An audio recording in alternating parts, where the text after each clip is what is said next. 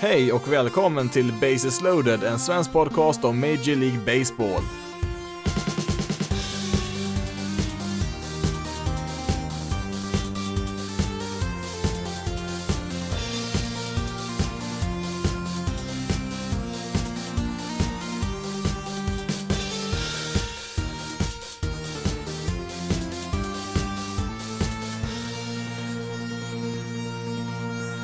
Hej och välkommen till veckans avsnitt av Bases loaded, en svensk podcast om Major League Baseball. Och jag är tillbaka här nu efter ett lite längre avbrott här. Kunde ju tyvärr inte spela in förra veckan då min röst helt plötsligt försvann där måndag, tisdag och ja, det kom ju även en förkylning där på posten efter det där så att eh, eh Ja, det, det visar sig att rösten är väl ganska viktig när man ska spela in en podd, så att eh, tyvärr så blev det inget förra veckan där och nu har det ju har det ju dröjt lite grann extra på den här veckan också. Jag har ju siktat på att göra det här avsnittet då eh, riktat mot trade deadlinen som var ju här i i måndags då klockan 10 på kvällen där, det är ungefär då som jag brukar försöka spela in podden i vanliga fall, där så att jag fick ju skjuta fram det lite också. Eh, ja, sen kombinerat också med att jag slutar ganska sent tisdag och onsdagar här, så att jag har inte funnits jättemycket tid att spela in tyvärr här efter deadlinen, men ska försöka få ut det här så snabbt som möjligt. Det var ju som sagt då stopp för trader då klockan 10 på måndag kväll där och Ja, alltså ska jag vara helt ärlig personligen här så tycker jag väl att det var en liten besvikelse för mig här i alla fall. Det beror ju såklart på vilka förväntningar man har. Eh, de flesta var ju ganska säkra på att det skulle bli en ganska seg deadline eh, med tanke på hur säsongen ser ut. Alltså att eh, byta spelare efter bara en månad på en säsong, det är... Nej, det är klart att det, det är inte så lätt att göra en bedömning av spelare på så kort tid och ja, extra jobbigt blir det när man inte har någon minor League-säsong heller så där man kan utvärdera olika prospects och Eh, det, det, att, att det skulle bli lite långsammare än vanligt, det var det väl ingen tvekan om. Sen var det väl kanske lite mer action än vad en del kanske hade trott. Eh, det var en del kanske som trodde att det nästan inte skulle hända någonting, men ja, vi fick ju ändå några, några affärer fick ju i alla fall eh, som var ganska intressanta. Eh, hade väl ändå som sagt då själv eh, gärna hoppats på några fler eh, intressanta trades här. Alltså vi hade ju ingen direkt sån här Sec Ranky trade som kom liksom en kvart efter deadlinen då förra året där. Eh, men ja, vi hade ändå som sagt lite intressant här och ska väl gå igenom eh, ja, en del utav dem i alla fall här. Framförallt så är det ju eh, San Diego Padres som äger den här deadlinen, de var ju väldigt, väldigt aktiva och de var ju redan ett av ligans mest intressanta lag och de blir ju bara mer intressanta efter den här deadlinen här. Ska även ge lite plus i kanten här till Toronto Blue Jays som var oväntat aggressiva här också som man kommer komma in på lite senare men Eh, vi måste ju börja med just Padres eh, som, eh, ja, jag vet inte om man kan säga att de vinner den här deadlinen, det är kanske lite tidigt att säga, alltså man kan väl säga att på ett sätt att de vinner deadlinen, att de var ju mest aggressiva och gjorde det mesta för att förbättra sitt lag. På så sätt så vinner de den här deadlinen, men det kommer ju dröja flera år innan vi vet hur alla de här traderna kommer att sluta eftersom det är mycket prospects som är inblandade och ja, dessutom så är det ju väldigt många spelare vi inte vet om än vilka som kommer att flyttas till vilket lag och så för att Eh, Eh, tekniskt sett så får inte lagen eh, trada spelare som inte finns med på deras 60-manna-roster just nu förrän säsongen är över. Det är ju därför som du kanske har märkt att det är ganska många av de här bytesaffärerna som innehåller någon spelare som, ja de säger en player to be named later och eh, det är alltså de spelare som kommer nämnas vid ett senare tillfälle. Det betyder i de flesta fallen just i år att de har säkert kommit överens om vilken spelare man kommer att skicka över till det andra laget, men eftersom att det är då kanske en minor League-spelare som inte finns med på 60-manna-Rosten just nu så får den här spelaren inte tradas officiellt förrän säsongen är över, så att eh, det kommer ju dröja ett par månader till innan vi vet exakt alla spelare som kommer att flytta var här efter deadlinen.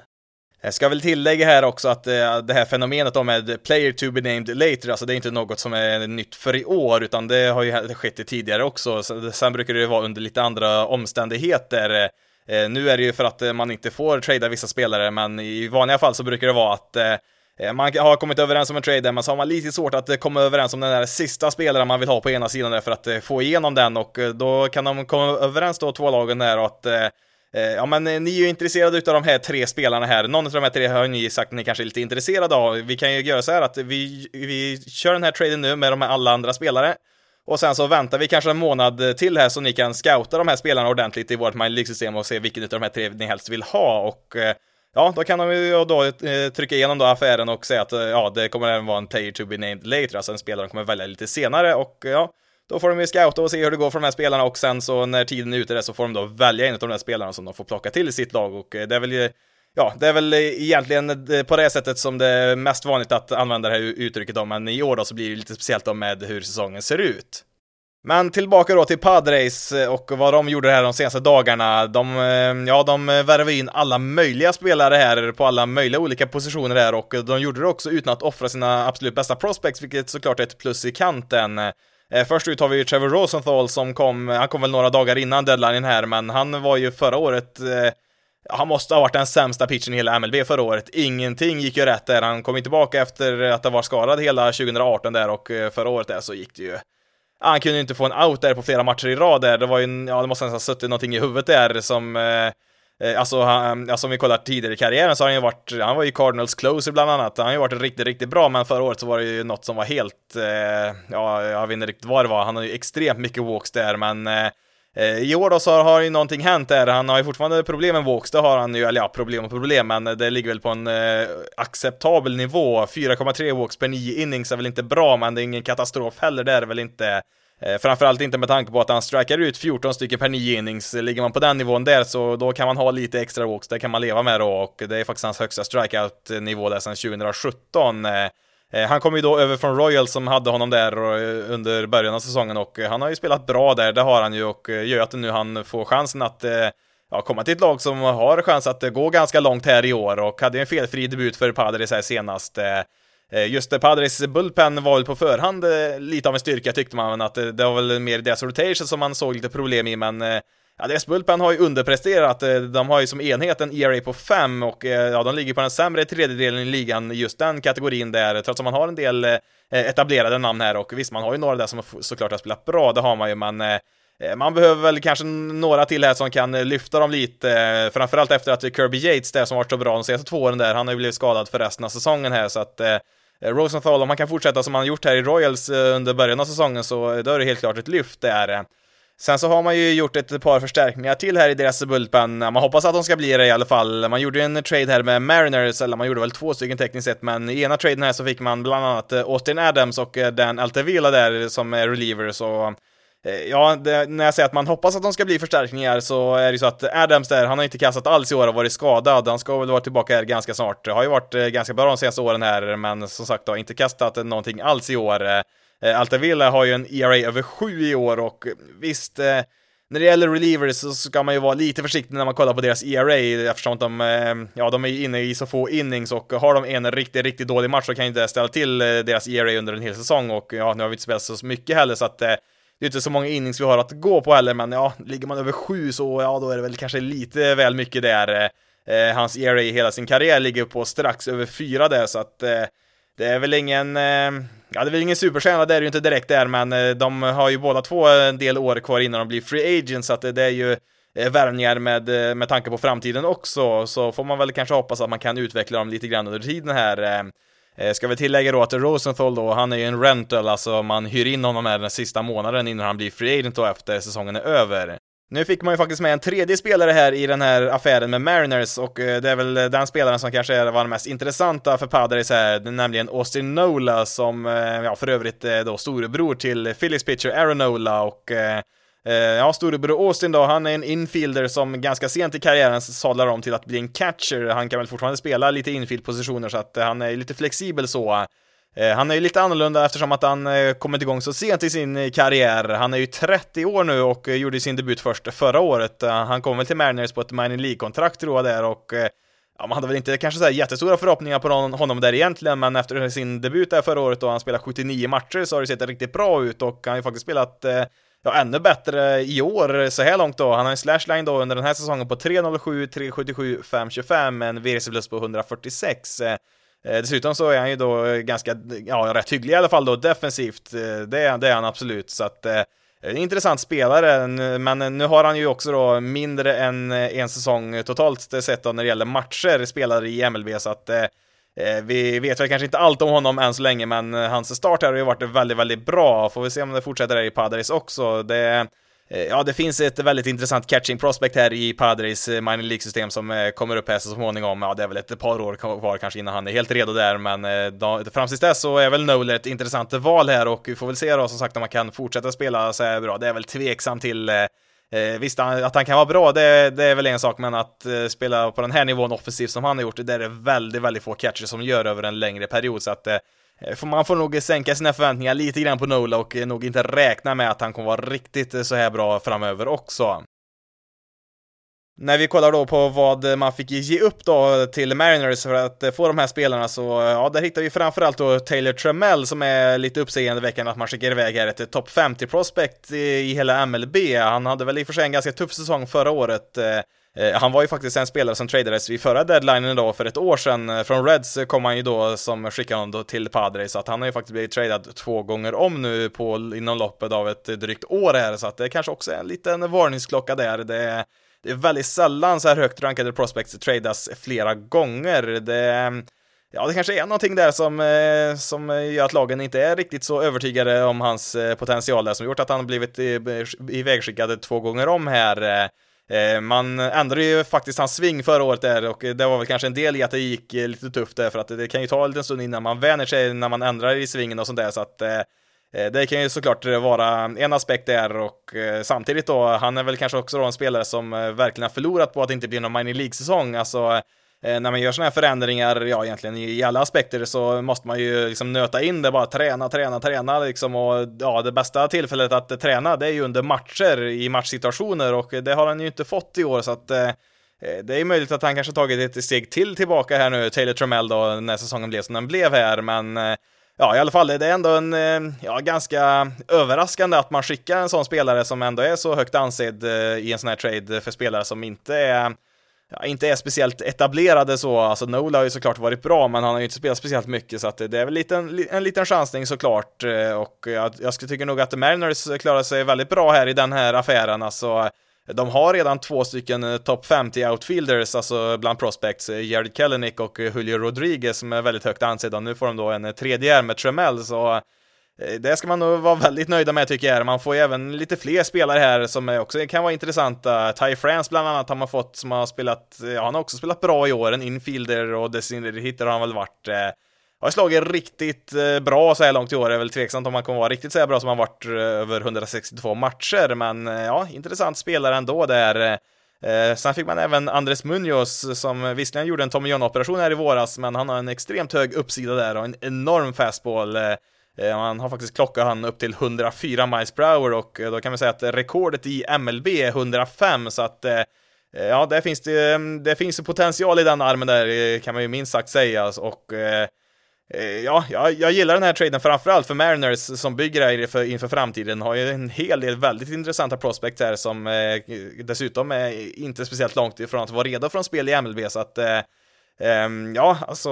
ja, Mariners absolut stort plus i kanten här till dem. Eh, Padres, eh, ja, det, det återstår väl att se här som sagt. När en eh, spelare då tradar så ska ju den eh, försöka ta sig så snabbt som möjligt till sitt nya lag. Och Austin Nola då hade ju lite tur här för han befann sig i Anaheim i södra Kalifornien där och eh, fick ju en ganska kort resa till San Diego men eh, han behövde faktiskt inte göra den där resan själv för att eh,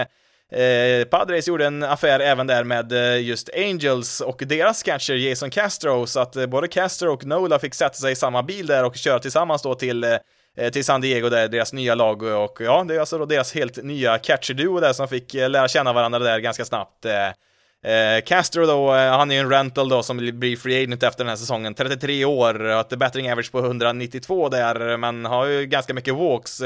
Han drar 16% walks varje gång han kommer upp där och har en on-base percentage på 3,23 där och landar väl i princip i genomsnittet i MLB offensivt. Eh, Eh, vilket såklart är väldigt bra för en catcher, så att eh, det, man har helt klart uppgraderat eh, sin catcher-duo här. Man fick ju då samtidigt då trada bort ett par catchers här, Padres för att få plats på deras roster, bland annat då Austin Hedges som var väl deras ordinarie catcher här på sistone, han skickar man till Indians här som man kommer till snart. Hedges, han är ju fantastiskt defensivt, kanske den bästa mm, i hela MLB, i alla fall när det gäller framing så ja, jag vet, tror inte det är någon som är bättre än honom på det, men han är ju extremt svagt offensivt istället då. Han är ju nästan som Jeff Mathis där som är helt hopplös när det gäller den offensiva delen där. Eh, så att eh, det, det, där gör man helt klart en uppgradering när man kollar till helheten där, alltså eh, Castro och Nola är väl helt okej okay defensivt, de är inte i närheten av Hedges, det är de inte, men de erbjuder så mycket mer offensivt än vad han kan göra där, så att överlag så är det väl en uppgradering det såklart på den positionen. Till sist så har vi den största traden här för Padres. Ja, det är väl den största traden eh, av dem alla vid hela deadlinen eh, när man fick eh, Indians Indian starting pitcher Mike Clevenger. Clevenger levde väl lite på lånad tid här i Indians efter hans, ja vad ska vi kalla det för, äventyr ut på stan där i Chicago en lördagkväll som inte var så populärt där i Indiens clubhouse. Eh, Det var ju han tillsammans med Zach Plesac där i Indien som jag berättade om i förra avsnittet eh, som eh, bröt mot deras karantänregler där och smet ut från hotellet där för att hitta på lite annat skoj där som de inte ska göra under en sån här säsong och um,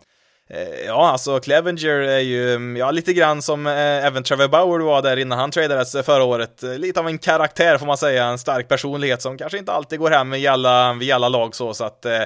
Eh, nu, nu, tror jag väl inte att det bara var det, eller jag tror väl att det var en ganska liten del i det hela, för att Indians är ju erkänt väldigt duktiga på att utveckla pitchers. Eh, eh de har ju många andra starting pitchers som kan ta hans platser, men eh, Alltså de blir ju sämre, det blir de ju och det här är väl kanske sista året som de är, har den här kärnan av spelare, alltså Francisco Lindor lär ju inte vara kvar i det här laget när vi startar nästa säsong, det skulle bli väldigt överraskad om han var.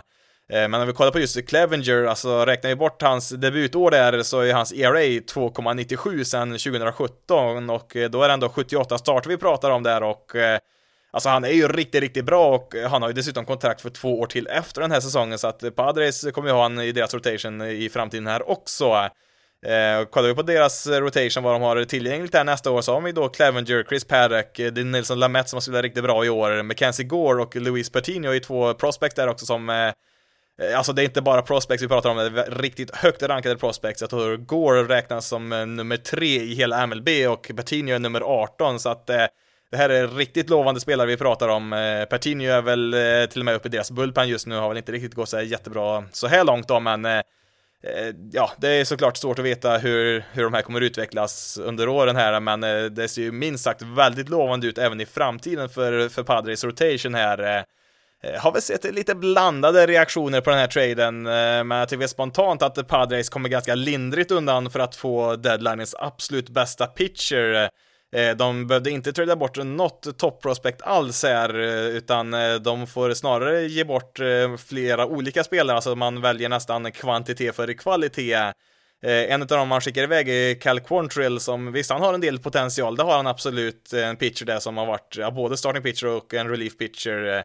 Eh, nu är det så här att Indien som sagt då är ju väldigt duktiga på att utveckla pitchers. Eh, både Trevor Bauer och eh, Clevenger är ju pitchers som, eh, som man tradade till sig, alltså spelare man inte draftar utan tradade till sig tidigt i deras karriär och sen utvecklar dem. Jag tror även Corey Kluber kommer ju från, eh, ja han kommer väl faktiskt från just The Padres en gång i tiden så att Eh, Eh, de, de, är ju duktiga på det, det är de absolut och eh, det, jag skulle inte bli helt chockerad om eh, Corntrill Quantrill skulle bli en riktigt bra pitcher i, i Indiens, även han, men det är ganska osäkert kort här ändå. De får även Josh Naylor som går in i deras outfield här och visst, Indiens outfield har ju varit Ja, det har varit värdelöst, ja inte bara i år, det har varit det tidigare här också de senaste åren. Han är väl ett Ja, lite skapligt. Eh, Prospect, det är han väl. Har ju okej okay siffror eh, från hans Mining League-karriär och debuterade ju förra året där. Man har inte gjort så här jättemycket än då, har inte spelat så mycket heller då, men eh, det är som sagt då volymen man får i den här traden då istället för kvalitet och Ehm, ja, alltså det är en 5-6 spelare man skickar iväg här och eh, visst, eh, någon av dem kanske man prickar det såklart, eh, men alltså, alltså en, en, starting pitcher med flera år av kontroll är det mest värdefulla du kan trada bort i, i dagens MLB, så att eh, jag tycker nog Indiens, eh, ja, på förhand där får vi ändå säga ska vara lite, lite missnöjda. Man vet ju aldrig hur en trade kommer att utveckla sig med tiden, alltså Eh, vi kommer nog inte veta först om kanske fem år hur den här traden eh, kommer att, eh, kommer att eh, ja, resultera då för båda lagen. Alltså, eh, man fick ju bland annat även en shortstop här från Padres som, ska vi säga, Arise, eller Arias, jag vet inte riktigt om man uttalar det här. Han är väl en spelare där som en del kanske tror kan komma lite från ingenstans där, lite intressant så, men han är ju 19 år, det kan hända mycket i hans utveckling här innan han är redo och Eh, Eh, ja, vi kan ju kolla på just The Padres trade-historia för att hitta exempel på det här. Alltså, när man skickade iväg eh, James Shields till eh, White Sox för några år sedan så fick ju de tillbaka istället en shortstop med lite potential där som ja, var väl lite av en fotnot i den affären där som inte speciellt många la märke till där. Han var väl nästan mest känd för att hans pappa Fernando Tatis hade spelat massa år i MLB men som vi vet nu så blev ju Junior ganska bra han också så att Eh, det kan dröja flera år som sagt innan man vet hur de här affärerna kommer att eh, utveckla sig för båda lagen. Eh, kan ta en annan trade här med Padres som man gjorde här i vintras. När man tradade till sig Tommy Pham från Tampa Bay Rays så var ju han det största namnet där såklart som, som man kände till där på förhand, men det var fler spelare inblandade där, bland annat en 26-årig eh, infielder, Jake Cronenworth, som jag aldrig hört talas om förut. Eh, han hade inte spelat en enda match i MLB innan den här säsongen började, men han har gått rakt in i Padres eh, eh line-up här och ja, han är ju en av ligans hetaste spelare så här långt i år, en VRC plus på 175 och Visst, han var väl med på någon topp 100-lista över prospects, det var han absolut där på slutet någonstans, så att han är inte helt okänd, det är han väl inte, men eh, Eh, jag, jag har svårt att tro att det var så här jättemånga som hade hört hans namn uttalat någon gång förut innan den här säsongen började, så att eh,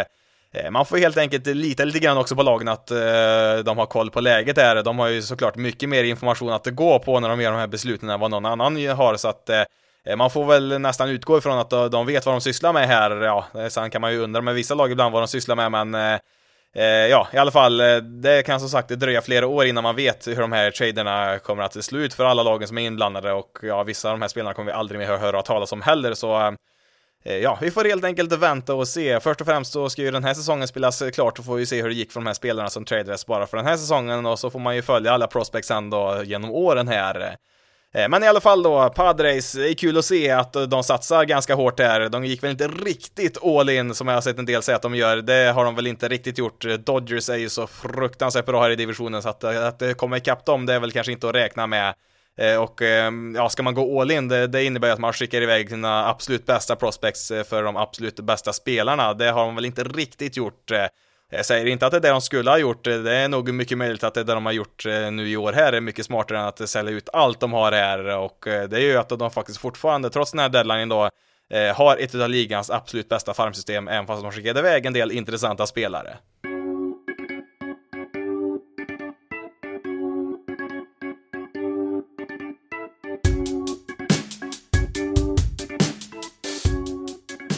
Nog om Padres, eh, vi ska istället hoppa till andra sidan landet här och eh, Toronto Blue Jays eh, som även de var väldigt aggressiva här, inte riktigt på samma sätt som Padres, det är väl lite mer en chansningar här från Blue Jays får vi säga, det är spelare som har väldigt hög uppsida men som lika gärna kan, ja det kan gå helt åt skogen åt det här. Eh, nu går man ju inte upp sig jättemycket för de här spelarna så att det, det är väl inte så att man har sålt hela sin framtid där på något sätt, men man har i alla fall gjort eh, ja, någon, eh, något typ av försök här att eh, ja, göra sig bättre inför oktober här. Man eh, ligger ju på den där sista åttonde platsen eh, för att nå slutspel här i American League, men eh, eh, nu jagas man ju faktiskt av både Orioles och Tigers. De är med här lite grann i bakgrunden och är ju inte alls helt borta här. Hade man ju inte direkt väntat sig när säsongen började, men de finns med lite där i bakgrunden och har ju som sagt en chans här, men jag tror nog ändå att Blue Jays kommer att ta en plats i slutspelet. Eh, jag tycker ändå att det är kul att man eh, försöker i alla fall och det är väl ändå rätt beslut man gör att man eh, gör som sagt lite marginella förbättringar här som eventuellt skulle kunna bli väldigt bra förbättringar men eh, då ska man ha lite flyt här också som man inte kan räkna med. Man är väl fortfarande något år ifrån att vara riktigt konkurrenskraftiga så att det finns väl ingen anledning att gå all in redan i år då, framförallt inte under en sån här säsong men Eh, I alla fall då så fick man ju in, eh, lite innan deadlinen, fick man in eh, Tajan Walker från Mariners, en stabil starting pitcher, har ju 3,9 ERA på 100 starter i sin karriär. Kom in där, gjorde en bra start direkt där, noll runs i debuten där för Blue Jays på sex innings. Sen så fortsätter man ju här då under måndagen att förstärka sin rotation ytterligare med Robbie Ray från Diamondbacks och Ross Stripling från Dodgers. Eh, ja, Robbie Ray fick man väl i stort sett eh, i utbyte mot ingenting. Och ja, Stripling ser väl ut som att man kanske får, får ge något hyfsat prospect där, har inte namnen på dem där men eh, Stripling har ju två år utav kontroll kvar där så att han kostar lite grann då. Men ja, Robbie Ray då, han är ju en rental här som inte har kastat bra alls i år, så att han kostar ju nästan ingenting här. Och mm, ja, alltså ärligt talat, han har väl varit en katastrof, Robbie Ray, i år. Han har en ERA över 7 och Eh, det är, mm, alltså hans strikeouts eh, är ju det som alltid, han har ju varit väldigt bra på att strike ut motståndare, det har han alltid varit, men sen har han ju haft en del problem med walks och i år har det ju varit helt hopplöst på, på just den kategorin där. Han tillåter eh, Ja, i snitt så här långt en walk per inning, vilket är, ja, det är helt fantastiskt dåligt. Alltså det är alltså då nio walks per nio innings då i snitt, alltså Eh, visst, vissa pitchers klarar av att tillåta lite mer walks än andra, så är det ju, och ändå vara framgångsrika, men han ligger alltså dubbelt så högt från vart eh, smärtgränsen kanske ligger någonstans där, så eh, Nej, han har inte haft någon bra säsong i år och man, ja, man chansar ju som sagt där då från Blue Jays sida och köper honom här liksom när hans värde är som lägst där och för Diamondbacks så, ja, det är ett litet fiasko med honom här, alltså man hade ju ganska många som var intresserade tror jag redan förra året och ja, säkert innan det också. Eh, att eh, få honom vid deadlinen då eh, tidigare år här och då har man säkert fått ganska hyggliga prospectpaket prospect-paket tror jag erbjudna från bland annat Yankees var lite intresserade förra året vet jag men Ja, nu får man ju ingenting i princip för honom här för att han är ju då som sagt free agent efter den här säsongen och Eh, det är väl en viss chans att man kanske placerar honom i deras eh, bullpen istället. Som sagt, han är väldigt duktig på att strika ut motståndare och skulle han eh, få kasta från en bullpen-roll, ja, då kanske man kan hitta något där och kanske han kan få någon roll där som en en multi-inning reliever, alltså han kanske kan kasta liksom två, tre innings emellanåt också, så kan man kanske hitta någon plats för honom på det sättet. Stripling som sagt då, han kommer ju finnas kvar här två år till och Eh, Eh, alltså han eh, har ju varit riktigt bra egentligen, eh, lite i skuggan där i Dodgers. De har ju haft många andra stora namn där som fått lite mer rubriker, men Stripling, alltså han har ju aldrig haft en säsong med en ERA över fyra. nu har han ju varit blandat, både relief pitcher och starting pitcher. Det har han ju varit. Han har väl startat 59 av de 143 matcherna som han har varit med i MLB och har ju en karriär-ERA på 3,68, vilket är riktigt, riktigt bra. Nu ligger hans ERA på 5,6 i år då. Han har ju också haft lite problem med just i år då. Eh, det är väl framförallt homeruns har han haft väldigt stora problem med i år. Han har tillåtit minst en homerun i varje match så här långt i år och eh, de fyra senaste matcherna har han tillåtit minst två, så att eh, ehm, han har ju sina problem, det har han ju haft här nu på sistone, men det finns ju bra potential där också, så att det är en affär som jag gillar för Blue Jays, absolut, inte bara i år då, utan för framtiden. Ser vi då till deras rotation där så har ju Ryu där kommit igång ganska bra nu också och ja, Chase Anderson har ju varit över förväntan där så att kan eh, en av de här två, Ray eller Stripling, kasta ganska bra här så ja, då ser det ju rätt skapligt ut i den lagdelen där och eh, sen ska man ju eh, även få tillbaka Nate Pearson här från skada här ganska snart. Han kanske också eventuellt kanske kan hjälpa mer som en reliever. Han har haft lite svårt här i debutsäsongen som en starting pitcher, men ja, vi får se hur man gör där. Eh, till slut då så fick man även in Jonathan VR från Marlins. Eh, riktigt eh, bra förra året var han. Har väl varit okej okay i år, eller ja, det beror väl på hur man ser det. Offensivt har han inte varit speciellt bra, men han leder MLB i stolen bases med nio stycken och eh, han är väl helt klart en eh, okej okay breddspelare som kan hoppa in lite här och där på deras infield. Har väl spelat eh, eller främst andra bas han har spelat, han har väl spelat tredje bas också någonting ibland och ja, shortstop också vid behov så att Eh, det är väl, ehm, ja det är väl ändå en okej spelare att eh, ha i truppen såklart. Eh, nu har ju dessutom Bobby Chet varit skadad här ett tag så att han kan väl hjälpa till tills han är frisk i alla fall där i deras lineup. Men ja, det, det, är som sagt då, det, det, är inga jättevärvningar de gör här. Jag tror Stripling som sagt där, han kan eventuellt bli riktigt bra för de här även i framtiden då, men Eh, som sagt, eh, tycker man gör rätt här, alltså man ska inte gå all in i år, det är inte rätt säsong för det för Blue Jays, eh, de är inte i rätt situation för det som det ser ut just nu, men man ger ändå sig själv chansen här att eh, eh, förbättra sig lite grann då inför ett eventuellt slutspel. Och ja, väl där så, ja det är allt man behöver, att det tar sig dit så kan ju vad som helst eh, hända såklart, så ja, jag tycker absolut att Blue Jays ska vara nöjda med vad de har åstadkommit här nu under deadlinen. Härnäst så vill jag lyfta tre lag som jag tyckte var rätt intressanta här vid deadlinen. Eh, kanske inte några lag som gjorde några jättevärvningar på något sätt, men som ändå gjorde en del intressanta eh, affärer här och det är Marlins, Reds och Ace eh, som alla tre fortfarande siktar på slutspel. Ja, Ace är väl i stort sett klara kan man väl säga. Reds och Marlins är ju betydligt mer osäkert. Eh, om vi då börjar med Marlins då så, ehm, alltså jag sa väl innan säsongen började att jag trodde att de skulle ta ett steg framåt i år, det trodde jag väl och de hade ju liksom varvat in eh, lite stabila MLB-spelare så som eh, ja, kan, kunde lyfta dem från det här absoluta bottenträsket, men ja, slutspelsjakt hade vi kanske nog inte direkt räknat med redan i år. Eh, men hur som helst då, man har ju hängt med här ganska bra och har ju fortfarande chansen här. Starling Marte har man då värvat in från Diamondbacks centerfielder som Ja, frågan är om inte han kanske är deras bästa hitter eh, när han kommer in här. Han har en slashline på 310, 380, 460 och eh, Alltså han har väl inte så jättemycket styrka i svingen, det har han väl inte, men i, i, i övrigt så är han ju helt klart en förbättring till laget här. De fick ju också ge upp Caleb Smith, en stabil eh, starting pitcher som eh, Ja, han är väl kanske inte i, den första, andra eller tredje pitcher så i en rotation, det är han väl inte, men han är väl en stabil fyra eller femma där med tre år av kontroll, så att Eh, han kostar ju lite grann här Martey för, för Marlins och ja, Martey har väl även en klubboption där för nästa år så att eh, han kan ju bli kvar där även nästa år. Eh, eh, Marlins då, å andra sidan, de har ju väldigt mycket pitching i, i ja dels i, i, i, deras rotation som det ser ut just nu och de har även en del prospect som är ganska nära att eh, eh komma upp här så att eh, pitching det, det, kan man eh, trada bort där från deras sida. Det är inte någon bristvara direkt så. Det är väl lite grann eh, samma sak som Indians. Eh, vi såg bland annat eh, Sixto Sanchez göra debut här för Marlins ganska nyligen och han såg ju riktigt, riktigt vass ut där. Så att eh, på pitching-sidan så ser det ju, mm, ja det ser bra ut redan nu och det kommer förmodligen bli ännu bättre än de närmaste åren, så att på den sidan av bollen så ser det väldigt lovande ut för Marlins här den, den närmaste tiden. Lite oväntat var ju däremot att man skickade iväg just Jonathan VR då till Blue Jays, det är en ordinarie spelare som man skickar bort och Eh, nu kom det ut i efterhand där att eh, Isan Diaz, en ung, en ung spelare som valde att eh, ja, inte ville spela något mer i år efter första vågen av covid-19 slog till här mot Marlins när halva laget drabbades där, då valde han först där att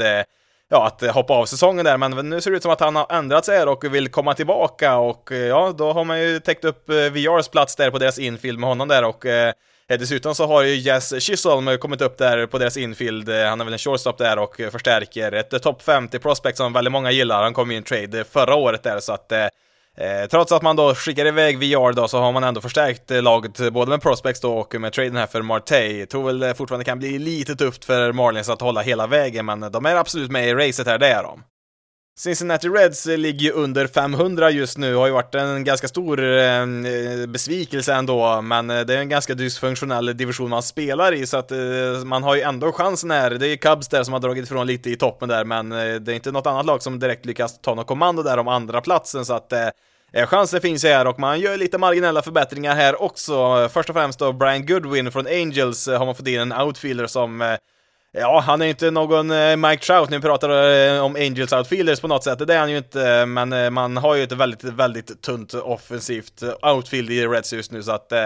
ja, i princip vem som helst är väl bättre än det de har. Eller, ja, man har ju två stycken, Jesse Winker och en Castellanos där har ju varit bra, men en av dem är ju en designated hitter och ja, den andra borde väl egentligen vara det, så att man behöver ju någon Eh, man behöver ju en hyfsat duglig outfielder bara som kan slå lite och eh, det är väl vad Goodwin har gjort. Han har inte varit spektakulär på något sätt, men han är ju bättre än genomsnittet offensivt, så att eh, det är ändå ett lyft för Reds här. Shogo Akiyama som kom från, från Japan här i vintras, han har ju inte haft en bra debutsäsong och Nixon Sell har ju varit skadad här, så att det har ju varit väldigt tunt sagt på deras outfield. Det känns väl också lite grann som en tidsfråga innan Reds offensiv ska vakna till lite här, alltså det finns så pass många duktiga Eh, spelare som har underpresterat i år, att det, borde ju liksom lossna någon gång. Eh, det, ja, det kan ju inte bli så mycket sämre i alla fall kan man ju tycka. Eh, Reds är ett sånt där lag som, ehm, alltså, de, behöver verkligen bara ta sig in till slutspelet och så kan det bli väldigt intressant för att alla lag måste ju spela de bästa av tre i första omgången och Ja, jag tror inte ens Dodgers skulle vara speciellt intresserade av att få möta ett Red som kan ställa upp Bauer, Castillo och Sonny Gray där i, i tre matcher i deras rotation där. Alltså det är ju det, det, är ju tre pitchers som utan problem kan eh, gå alla nio innings ibland när de är i form, så att eh, eh, de kan ju vara väldigt intressanta där när, när de väl tar sig in till ett slutspel. Och eh, ja, vi såg ju vad Nationals gjorde förra året med sin super rotation. Så att kan Reds då som sagt bara ta sig in till oktober, ja då kan både det ena och det andra hända här med framförallt då den där topptrion där i deras rotation. Men det är inte så bara bara att ta sig till slutspelet heller, man ligger ju lite efter det här och måste ju börja spela bättre de här sista veckorna om man ska ha en chans. Eh, eh, deras bullpen är ju en annan svaghet de har haft här under året och där eh, värmer man också in en spelare, Archie Bradley från Diamondbacks. Ja, det är väl ett tema vi ser här. Diamondbacks och Los Angeles Angels är väl två lag som varit väldigt aktiva i åt fel håll då vid deadlinen här. Det är ju två lag som Eh, i princip har gett upp den här säsongen efter de halkat efter så mycket där. Men eh, Bradley då kan eh, förhoppningsvis då stabilisera deras bullpen där som har varit katastrofal i år, alltså deras bullpen där i Reds. Bradley har ju faktiskt inte tillåtit en enda homerun i år och har dessutom kontrakt över nästa år där, så att han kan ju hjälpa till i framtiden här också. Och Brian Goodwin där då, outfieldern från Angels, han, han har ju två år kvar på sitt kontrakt där, så att det är väl det är inga jättevärvningar vi pratar om här som sagt för Reds heller, men eh, det är ändå en liten förbättring här som möjligtvis eh, kan vara det lilla extra som kanske tar dem eh, till en sista plats där in till slutspelet om allting går rätt här. Till sist då har vi Oakland som innan säsongen började sa vi väl att det här kanske är ett av ligans bästa infield vi hittar här och det var väl kanske då en liten lucka där på andra bas då, men den luckan har man då täppt till här med Tommy Lastella som man trätt till sig från Angels. Eh, han är ju helt klart en offensiv uppgradering mot Tony Kemp som har spelat mycket där under året. Eh, eh, han, alltså han fick ju först börja spela som en ordinarie spelare förra året när han kom till Angels och sen dess har han spelat riktigt bra. Nu blev han väl skadad efter ungefär halva säsongen förra året där, men han har ju fortsatt att spela bra i år också, så att han är absolut ett lyft där för Oakland som Ja, de får ge bort Franklin Barretto här till Angels, en spelare som har ganska mycket potential, har ju bra siffror i minor League-systemet där, Eh, har ju varit ett högt rankat prospect som inte riktigt fått till den då, men han har ju många år kvar innan han är free agent där, så att eh, det är en, eh, en spelare som på sikt kan bli ganska bra där för Angels om saker och ting går rätt där. Men i alla fall då mm, Ace infield då med Olson och Chapman där på kanterna på första och tredje bas har ju varit bra i år då, men sen har ju Marcus Simeon tyvärr haft ett ganska tufft år i år. Eh, han har ju varit riktigt bra de två senaste åren, eh, men nu har han varit lite skadad i år som dragit ner hans siffror ganska rejält. Eh, lite dålig timing såklart då med tanke på att han också är free agent efter den här säsongen. Det är ju även Lestella då, men i alla fall då, deras infield blir ju ännu lite bättre med Lestella som det ser ut just nu då. Sen så har man även gjort en till trade här vid deadlinen för Mike Miner, starting pitcher, som man köper lågt här då, alltså hans värde är inte speciellt högt just nu. Han har ju en ERA på 5,6 den här säsongen och är en rental. Eh, Miner har ju annars eh, i regel varit en ganska stabil starting pitcher genom åren och förra året så var han faktiskt riktigt bra. Han startade 32 matcher med en ERA på 3,5 och 200 strikeouts, så eh, han har ju helt klart kvaliteten i sig. Sen har det inte riktigt gått så bra just i år då. Såg väl att Ja, någon nämnde att han eventuellt kunde hamna i deras bullpen också och hjälpa där, men deras rotation har ju varit en besvikelse och behöver väl kanske lite hjälp här. Eh, det är väl egentligen bara ja, Luzardo och eh, Chris Bassett här som har en ERA under 4,8 bland deras starting pitchers, så att eh, där finns det ju verkligen utrymme för förbättring och får vi se om en minor blir en del utav det. Det är, ja, det är återigen inga jättestora värvningar här, men man blir ju ett bättre lag. Framförallt Lestella tycker jag om här för, för Ace. Mike Miner, ja det kan gå lite hur som helst med honom här. Påminner lite grann om värvningen man gjorde förra året med Homer Bailey som, ja, gjorde dem väl lite bättre i alla fall där och det Eh, ja, alltså de är ju i stort sett helt klara för slutspel. Alltså visst, Astros har väl krypit lite närmare i tabellen, det har de, men eh, sen är det Mariners då som är nästa lag där i divisionen, åtta och en halv match bakom. Eh, så att även om man skulle halka ner på andra platsen så är det fortfarande en garanterad slutspelsplats och jag har ju väldigt svårt att se att Mariners på något sätt skulle kunna komma upp och hota om, om den platsen så att Eh, I principen så är man helt klara här i Ace för slutspel i år. Sen är jag väl lite orolig för deras pitching, det är jag faktiskt. Nu har man ju några veckor kvar här att få igång de här, men det är ändå någonting att hålla lite utkik här inför oktober.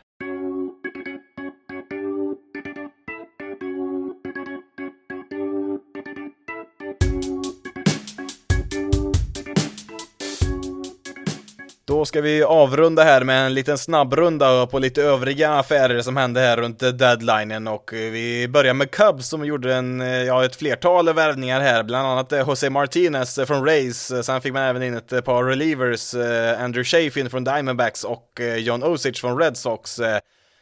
Ja, Cubs bullpen har ju varit ja, väldigt upp och ner, alltså i början så såg det ut att det var en ren och skär katastrof, sen så gick det lite bättre där ett tag, men nu Eh, nu har man eh, haft lite svårigheter igen här, så att nu har man fått in ett par till relievers här för att försöka eh, stabilisera här igen. Eh, Chafin har väl inte kastat speciellt mycket i år, han har haft ett skadat finger där, så han har ju bara några enstaka inningskastare i år. Osic, ja, jag vet inte riktigt. Ja, hans bästa ERA under en säsong är 4,7, har väl en ERA någonstans runt 5 i karriären.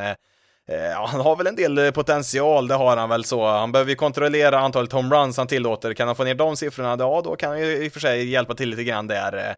Eh, eh sen har man även fått in Cameron Maybin, han blir tradad då från Tigers. Jag tror faktiskt det är tredje gången Tigers tradar Maybin i hans karriär. Jag tycker om den här värvningen för Cubs. Han är en väldigt bra spelare att ha som en fjärde outfielder. Han kan ju spela på alla outfield-positioner och var ju tydligen Eh, förra året en väldigt stor boost till Yankees Clubhouse, alltså de var en spelare som många tyckte om att ha runt omkring laget så. Sen eh, var han ju riktigt bra förra året, det var han ju också, men eh, i år då så har han varit ungefär genomsnittlig på planen offensivt då och är bra för bredden där i deras outfield och ja, det finns som sagt betydligt sämre spelare man kan ha som sin extra outfielder. Mets var ju ett annat lag som var aktiva här med några affärer här sista dagen. Eh, fick in bland annat Robinson Chirinos och Todd Frazier från Rangers. Eh, ja, när vi pratar om marginella förändringar, ja, då kan vi nog eh, kolla på vad Mets gjorde här med de här två. Alltså, ja, alltså de ligger ju en bra bit bak från slutspel i nuläget. Frazier har, ja, han har ju varit där tidigare och har väl inte han har inte direkt imponerat i år, det har han ju inte gjort. Sen är väl han eh, likt Maybe en sån här spelare som eh, många tycker om att eh, ha i laget liksom så. Han är väl en bra närvaro där i omklädningsrummet och så, men eh, ja, jag vet inte riktigt vad de ska tillföra här. Chirinos har ju ett par säsonger här senast som har varit ganska bra, men har varit urusel i år. Mats ordinarie catcher Wilson Ramos har väl inte spelat så bra han heller, men han har varit betydligt bättre än vad Chirinos har varit, så att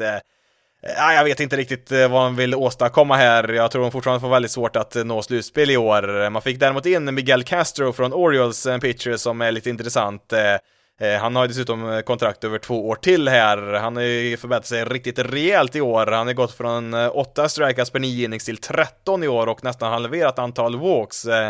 Sen är det väl en fråga om det är hållbart att eh, ha en sån kraftig förbättring eh, över en längre tidsperiod då, men eh, ja, det är ändå ett intressant namn att ha koll på även framöver här.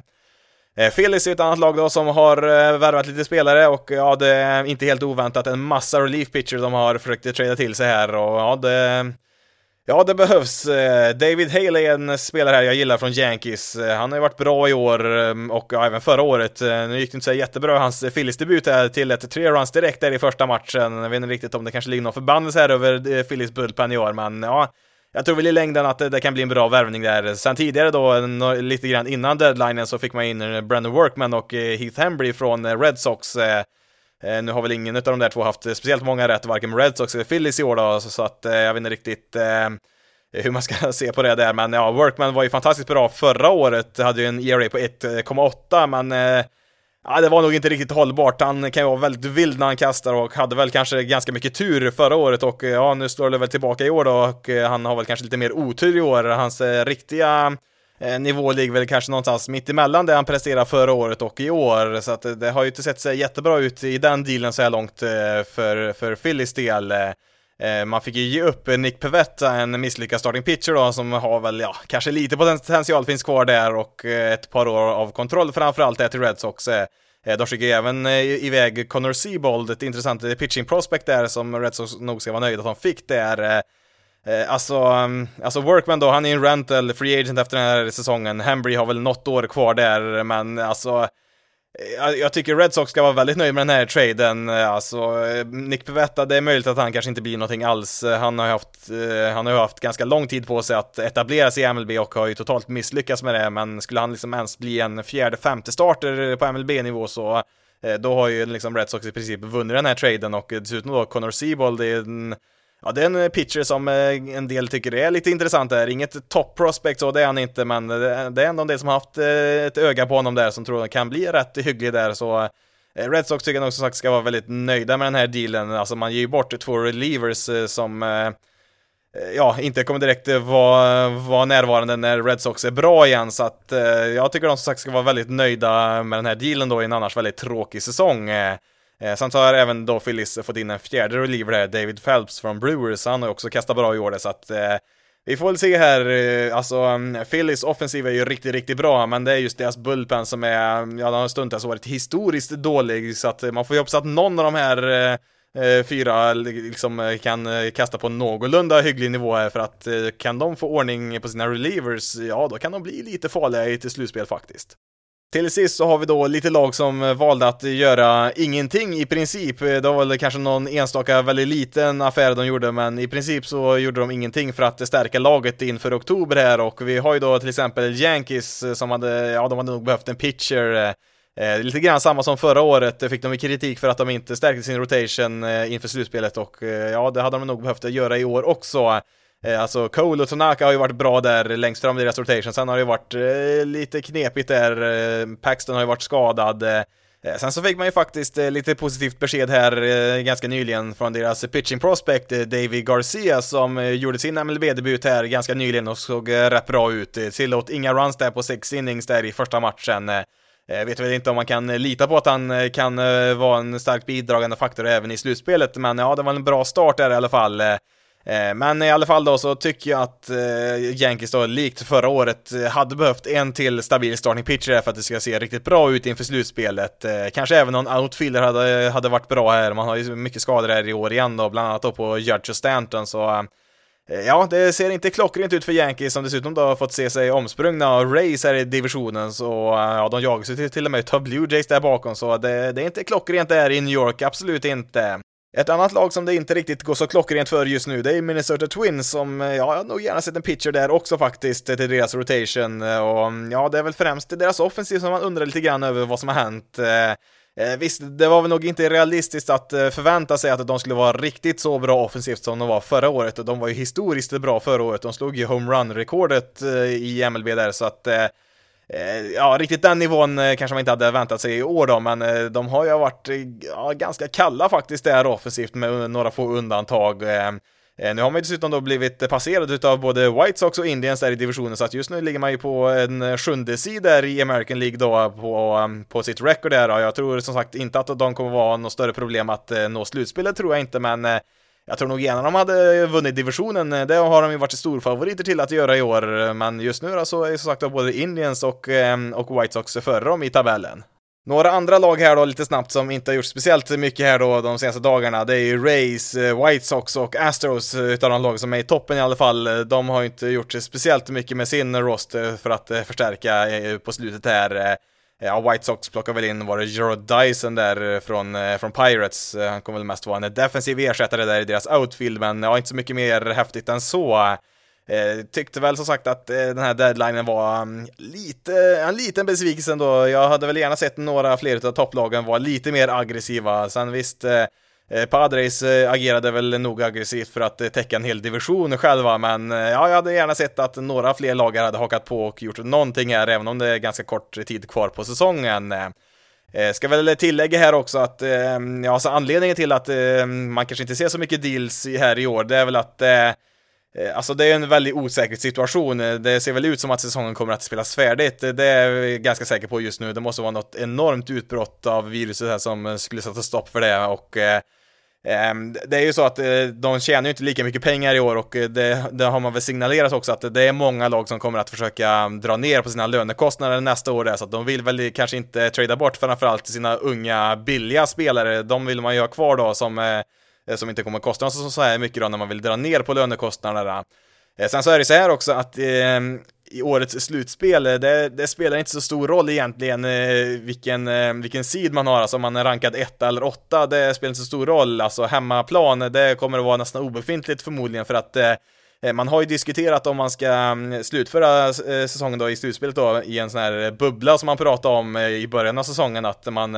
samlar ihop lagen på en eller två platser och eh, spelar alla matcherna då i, en, i en, ja, ett litet stängt samhälle skulle man kunna säga då, för att minska risken att någon blir infekterad. Eh, den senaste jag har sett är väl att man planerar att eh, ha en sån här bubbla då i Los Angeles och i San Diego då i södra Kalifornien och sen även i, i, i Texas då på Rangers och Astros Arena då och Eh, då är ju tanken att eh, American League då ska spela sina slutspelsmatcher då i, i LA och i San Diego då och ehm, eh, då eh, National League i Rangers och Astros Arenor och det innebär ju då att eh, eh, det blir omvänt då, alltså National League-lagen då får spela sitt slutspel på American League-arenor då och tvärtom, det är så att inget lag ska kunna liksom få spela på sin hemmaarena när alla andra får spela på en neutral plan. Vad har allt det här då med eh, inaktivitet vid deadlinen att göra? Mm, jo, det är ju så här då att om eh, det här förslaget blir verklighet då så eh, kommer det inte finnas någonting som heter hemmaplan egentligen, mer än rent tekniskt sett kommer ett lag vara hemmalaget då och få slå sist och sådär, men Alltså, det spelar inte så stor roll om man sidas som nummer ett eller nummer åtta. Det kommer vara i stort sett samma förutsättningar för alla lag i, i, i slutspelet. Eh, det är väl tekniskt sett en liten, liten fördel för det laget som slår sist, så att det lag som står som hemmalag då kommer väl ha en minimal fördel. Det, det kommer de ha, men det, den eh, fördelen är så liten så att det, det, är inte värt att tänka på egentligen här, utan eh, det gäller bara att vara bland, bland de åtta bästa lagen i, i, i sin liga för att nå slutspel så är det ungefär lika förutsättningar för alla. Sen visst, man kanske vill undvika vissa lag, man kanske inte vill springa in i Dodgers i första omgången till exempel, men Eh, Eh, det är inte alla lagen som har något incitament egentligen att förbättra laget för grundspelet här. Sen kan man argumentera att eh, de borde göra sitt lag bättre för slutspelet. Det är en annan diskussion då, men eh, rent tekniskt sett om vi kollar på grundspelet här så har vi en hel del lag här som ja, i princip då är klara och inte direkt behöver tänka på att liksom ja, kommer vi ranka som nummer ett, två eller tre här i slutspelet, det, det är liksom mindre viktigt. Så det är ju en bidragande faktor här såklart också. Så avslutningsvis då här så eh, är väl anledningen till att många av de här topplagen inte gör någonting, det är ju dels då som sagt att slutspelet, eh, ja, det spelar inte så stor roll hur, hur man tar sig dit bara man är där och kombinerat då med den, framförallt den ekonomiska osäkerheten som finns så vill man ju framförallt inte ta på sig massa dyra kontrakt och inte göra sig av med sina unga talanger som kostar nästan ingenting. Eh, vi vet ju som sagt inte om vi ens får ha publik nästa säsong. Det, man hoppas ju, men man vet ju aldrig riktigt. Eh, och som sagt då, man har ju haft mindre inkomster i år då från MLBs sida så att eh, många lag kommer säkert att eh, skära ner sin payroll så gott det går, vilket såklart också blir tungt för vinterns free agents. Men det är en diskussion för ett senare tillfälle. Vi fokuserar istället på vad som sker här och nu och vad som händer nu det är att sluttampen är här. Alltså vi har ungefär tre och en halv vecka kvar på den här säsongen innan det är dags för slutspel. Eh, det eh, känns ju väldigt underligt att vi redan är här efter så få matcher spelade. Det, alltså det är ju bara tre och en halv vecka kvar på grundspelet, sen är vi i slutspel. Eh, visst, vi visste att det skulle bli en kort säsong med bara 60 matcher, men på något sätt känns det ändå som att det har varit en väldigt, väldigt kort säsong med det i åtanke. Eh, så det gäller verkligen här att passa på och njuta av det som är kvar nu för att om ganska exakt två månader så kommer den här säsongen vara helt över och eh, så sitter vi där och väntar i vintermörkret eh, på en ny säsong där och spring training så att ja, passa på att kolla så mycket ni kan här nu den sista biten för att rätt vad det är så har vi ingen baseball alls igen på TVn. Ja, då får det räcka här för veckans avsnitt. Eh, har ju hänt en del annat såklart också, förutom alla trader, men eh, vill ha ett avsnitt här bara för just trade deadlinen och eh, spara väl eh, lite annat här kanske då till nästa veckas avsnitt där som förhoppningsvis då ska komma ut lite tidigare på veckan här. Du kan följa Basis Loaded på Twitter, Facebook och Instagram. Då letar du upp Basis Loaded SE eller så kollar du på länkarna som finns i beskrivningen på detta avsnitt. Du kan även mejla till basisloaded.se gmail.com Eh, du får jättegärna sätta betyg och skriva omdömen eh, på din podcastapp eh, på den här podden för att det hjälper andra sen att hitta den här podcasten. Det hjälper podden att komma upp på sådana här topplistor och så som gör att fler kan se att det finns en svensk podcast om Major League Baseball. Men nu har jag pratat tillräckligt för idag. Mitt namn är Jonathan Fabri. Tack så jättemycket för att du har valt att lyssna på detta avsnitt av Basis loaded. Ni får ha så bra där ute så hörs vi i nästa veckas avsnitt.